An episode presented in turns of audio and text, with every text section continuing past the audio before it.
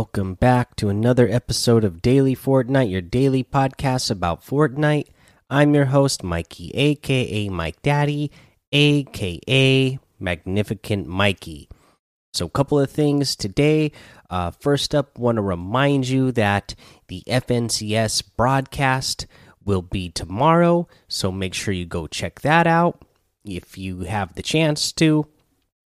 Uh, and then the other thing, oh, you know what? I guess I should mention what time that's going to be exactly. So, uh, if you don't know, uh, the FNCS Week 2 broadcast will start tomorrow at 1 p.m. Eastern with EU coverage, followed up with NA East. Earn Twitch drops by watching it on any drops enabled channel on Twitch.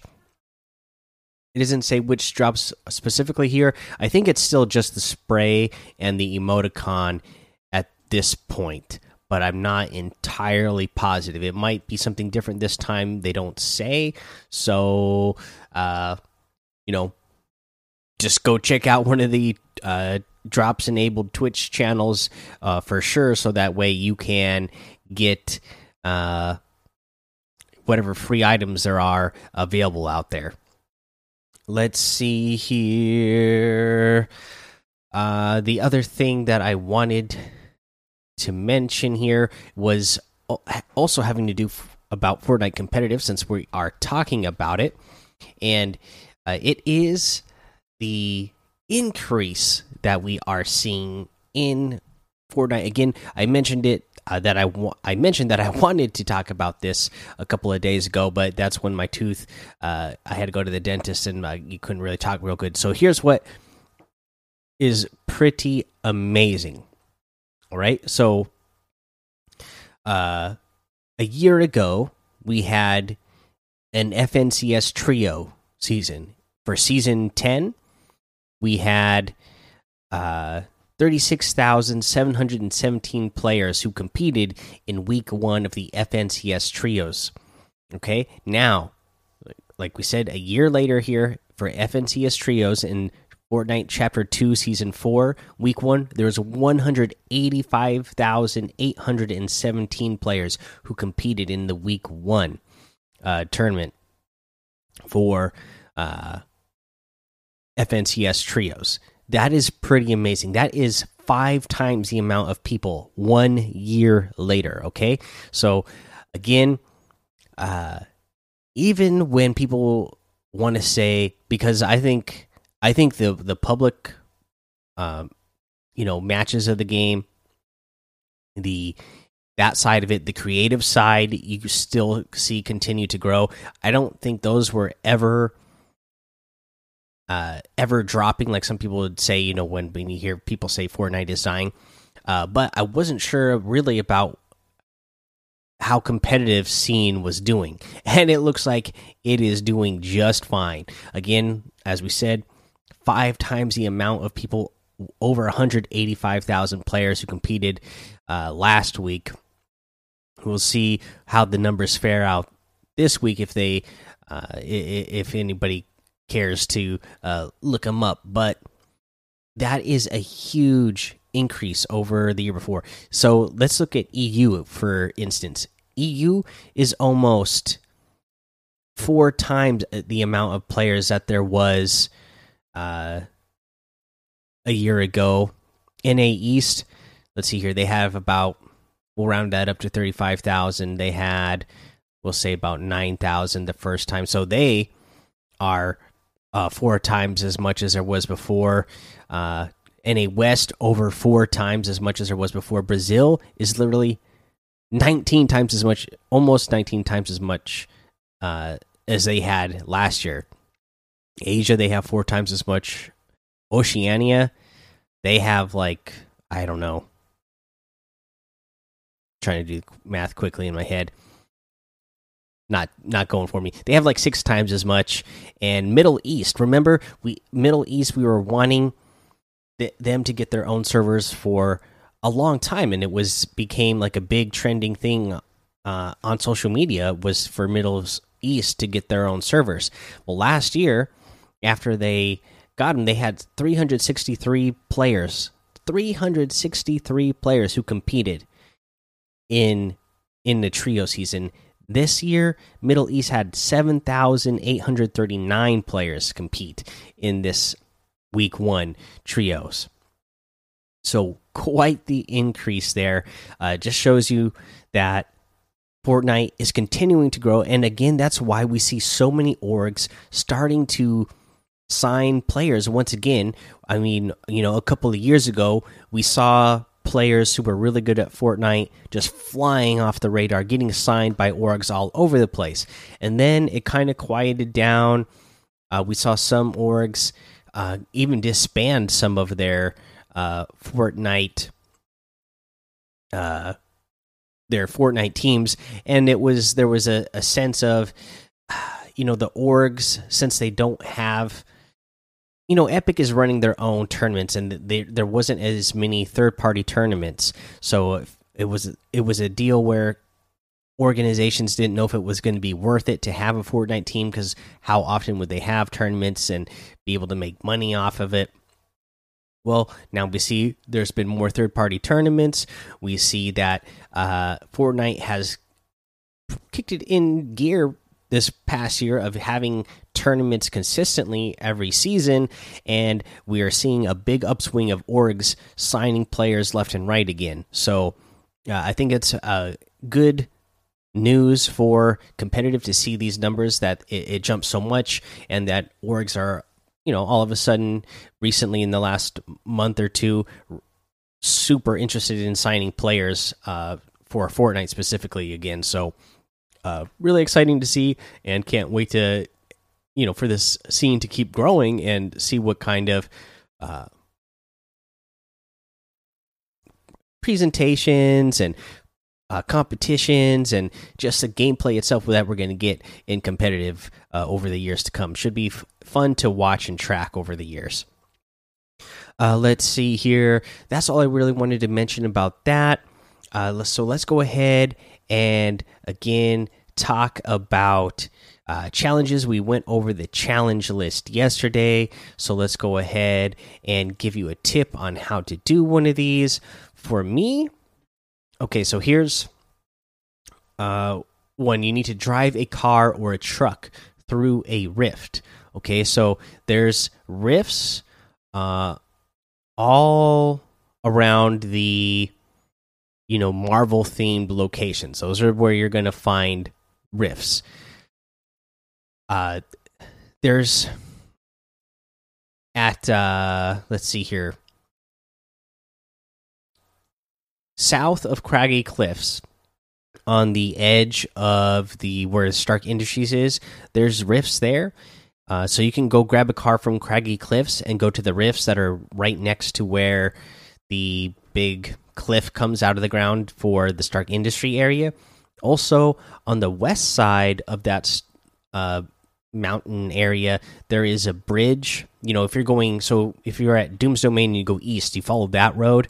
There is an area there. There's a bridge and things there. There's a semi truck usually there. Sometimes there's a car that you can drive there, so that is a good place. Uh, those are the easiest ones, I think, because there's you can get cars close by easily. Uh, so those would be the places I would go uh, get this challenge done. You could potentially go to Holly Hedges as well and get a car from Holly Hedges and go to the one at the Ant Man Manor. Uh, there's some rifts there. Uh, you you will have to drive through the grass, so if you don't get a pickup truck, then it might be slow going, but it shouldn't be too hard. But anyways, I think those are the best areas to get them done. Obviously, there's a plenty of other Marvel areas that have the rifts around, but uh, those ones are you know there's cars readily available close by, so that's where I would go to get those challenges done. All right, let's go ahead and take a break right here. Okay, now let's go over today's item shop. We still have uh, the Ghoul Trooper Brainiac outfits in here, those harvesting tools that we talked about that go with those reckoning packs still here. The reckoning packs themselves are still here. Uh, so there's all that stuff added in the item shop today. We have the Out West emote for 500 V bucks. Uh, we have the Hemlock outfit with the Bag of Shadows back bling and the built-in witchcraft emote uh, in here. And you know this one's really cool. I, I like that you can have the normal, you know, looking witch, I guess, almost human looking witch, except for the green skin. But then you get the built in emote, the witchcraft emote that will turn you into a ugly, monstrous witch. So that's pretty cool. That's all 1,500 V bucks. The Witchy Axe harvesting tool is 800 V bucks, and the Witchy Wrap is 500. You have the Kira outfit with the Impact Green backbling for 1,200. Big fan of this one. The Block Blades harvesting tool for 500, and the Green Eagle glider for 800. Uh, you have the Dominion outfit with the Flame Sigil back bling for 1,500, the Burning Beast glider for 1,500, the Burning Blades harvesting tool for 800, the Malice outfit with the Malice Wings back bling for 2,000, uh, the Burning Axe harvesting tool for 1,200, and the Burning Glyph wrap for 500. You got the Little Whip emote uh, not emote, the little whip outfit with the snow cone back bling for 1500. Gotta love that one. The dynamic fire wrap for 500. The dream flower outfit with the hip shakers back bling for 1500. The ribbon dancer emote for 500.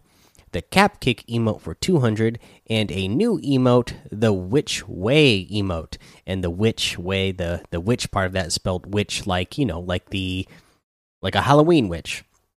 This is the only way to fly. And this is a pretty cool emote, right? So you you uh you pull out a broom or make it magically appear and sit on it and start floating on it and then you're also holding out uh, a hand and you are making a jack-o'-lantern float uh, above your hand as well as you're floating along. This is traversal, so you're, you know, it looks like you're riding a broomstick uh, as you're going along here. So pretty cool emote, 500 V bucks. That's all the items today, and you can get any and all of these items using code Mike Daddy M M M I K E D A D D Y in the item shop, and some of the proceeds are going to go to help support the show. Now, uh, we want to talk about a tip of the day. We, got more FNCS trios competition coming up this weekend that you're going to want to watch. And again, you know, this is something I've always talked about since uh, since the beginning of this podcast, pretty much, and that is going for placement. You know, trying to place high. Uh, you know, not going for early engagements. The more early engagements that you purposely put yourself in, that you are decreasing your chances of winning because you're going to have to use your materials, use your ammo, and uh, you deplete all your uh, resources early in the game. You want to hold on to as much as you can until late in the game as you can. That way, you can, you know, that way you have everything you need uh, at the most crucial part of the game in the the the end game where everything is moving fast, players are moving fast, and you know, especially in trios. You know, obviously in solos, boom, once you're gone, you're gone. In in trios, even if you win an engage an engagement, say you get in a situation where you win against another team and your one of your teammates goes down and gets thirsted, uh, even though you totally wiped out the other team, now you're down that one person. Now, if you want that third person back, you have to pick up their card and you have to hope that in the switch wherever you landed or wherever you happen to be that you are close enough to a reboot van to go reboot that third person that way you're not at a disadvantage in the in on the numbers of your team for the rest of the match.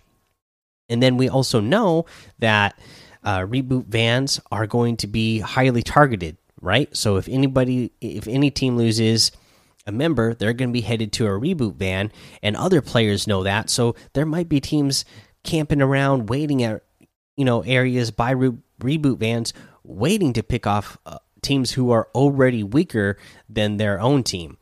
So again, play for the placement. Uh, if you if you don't have to take an early fight, then don't disengage. If you if you find somebody else is wanting to fight you, do the best you can to disengage in that fight. That might mean that you have to change your loot path entirely for that round, but it'll be worth it in the end to at least make it towards the end of the match, get some placement points, and then uh, you know still have all of the players on the team, so you're not at a disadvantage numbers wise, and then you'll still have you know more material and more ammo. You know that's that's all important things to have, especially in the, in this team based mode that we're in right now. All right, guys, that's the episode for today. Go join the daily Fortnite Discord and hang out with us. Follow me over on Twitch, Twitter, and YouTube. It's Mike Daddy on all of those. Head over to Apple Podcasts, leave a five star rating and a written review for a shout out on the show. Make sure you subscribe so you don't miss an episode. And until next time, have fun, be safe, and don't get lost in the storm.